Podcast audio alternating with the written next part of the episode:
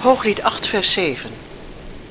Vele wateren kunnen de liefde niet blussen, en de rivieren spoelen haar niet weg.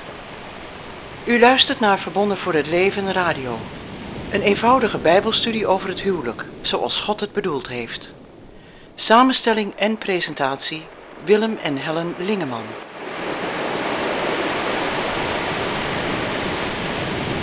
In deze uitzending gaan we dieper in op de vraag of trouwen hetzelfde is als samenwonen. Veel kerken en gemeenten worstelen met de vraag of leden die samenwonen aan het avondmaal mogen worden toegelaten. En mogen samenwonenden ouderling, oudste of diaken worden. De achterliggende vraag is eigenlijk deze. Kunnen of moeten we samenwonen accepteren als andere vorm van getrouwd zijn?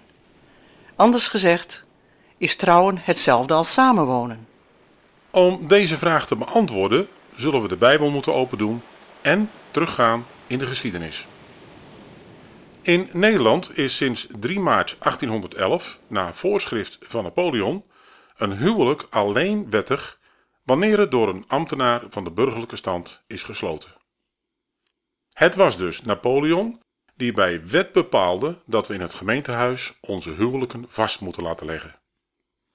Voor die tijd was trouwen veelal een kerkelijke en in de middeleeuwen meer een familieaangelegenheid. Daarbij was in eerste instantie het jawoord tussen man en vrouw in het bijzijn van getuigen voldoende. Een geestelijke kwam er aanvankelijk niet eens aan te pas.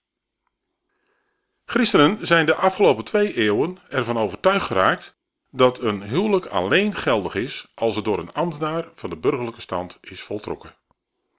De Bijbelse norm is uit het oog verloren.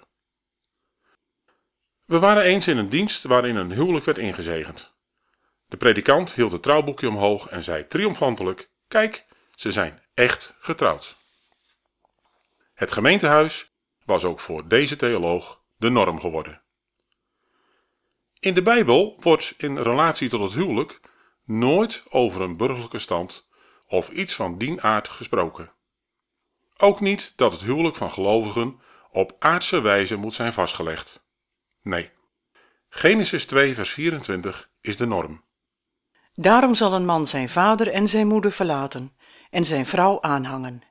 En zij zullen tot één vlees zijn. Als een jongen en een meisje het ouderlijk huis verlaten om samen onder één dak verder te leven en ze zijn één vlees geworden, dan zijn ze in Gods ogen getrouwd. De wijze waarop een huwelijk gesloten wordt is land, volk en cultuur gebonden. Op dit moment zien we in onze samenleving een verschuiving van trouwen naar samenwonen.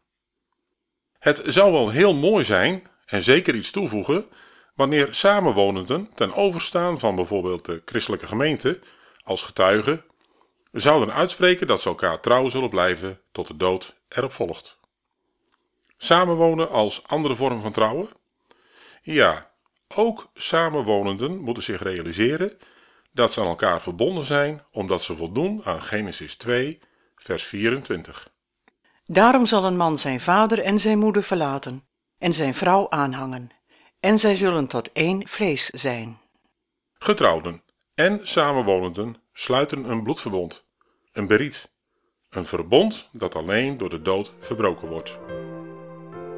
Op voorgangers, pastoraal werkers, oudsten en ouderlingen rust de grote verantwoordelijkheid om gemeenteleden over het aangaan van een relatie, een bloedverbond, te onderwijzen. Het is essentieel voor man en vrouw die samen verder willen, Gods woord hierin goed te verstaan. Samenwonen is dus niet vrijblijvend.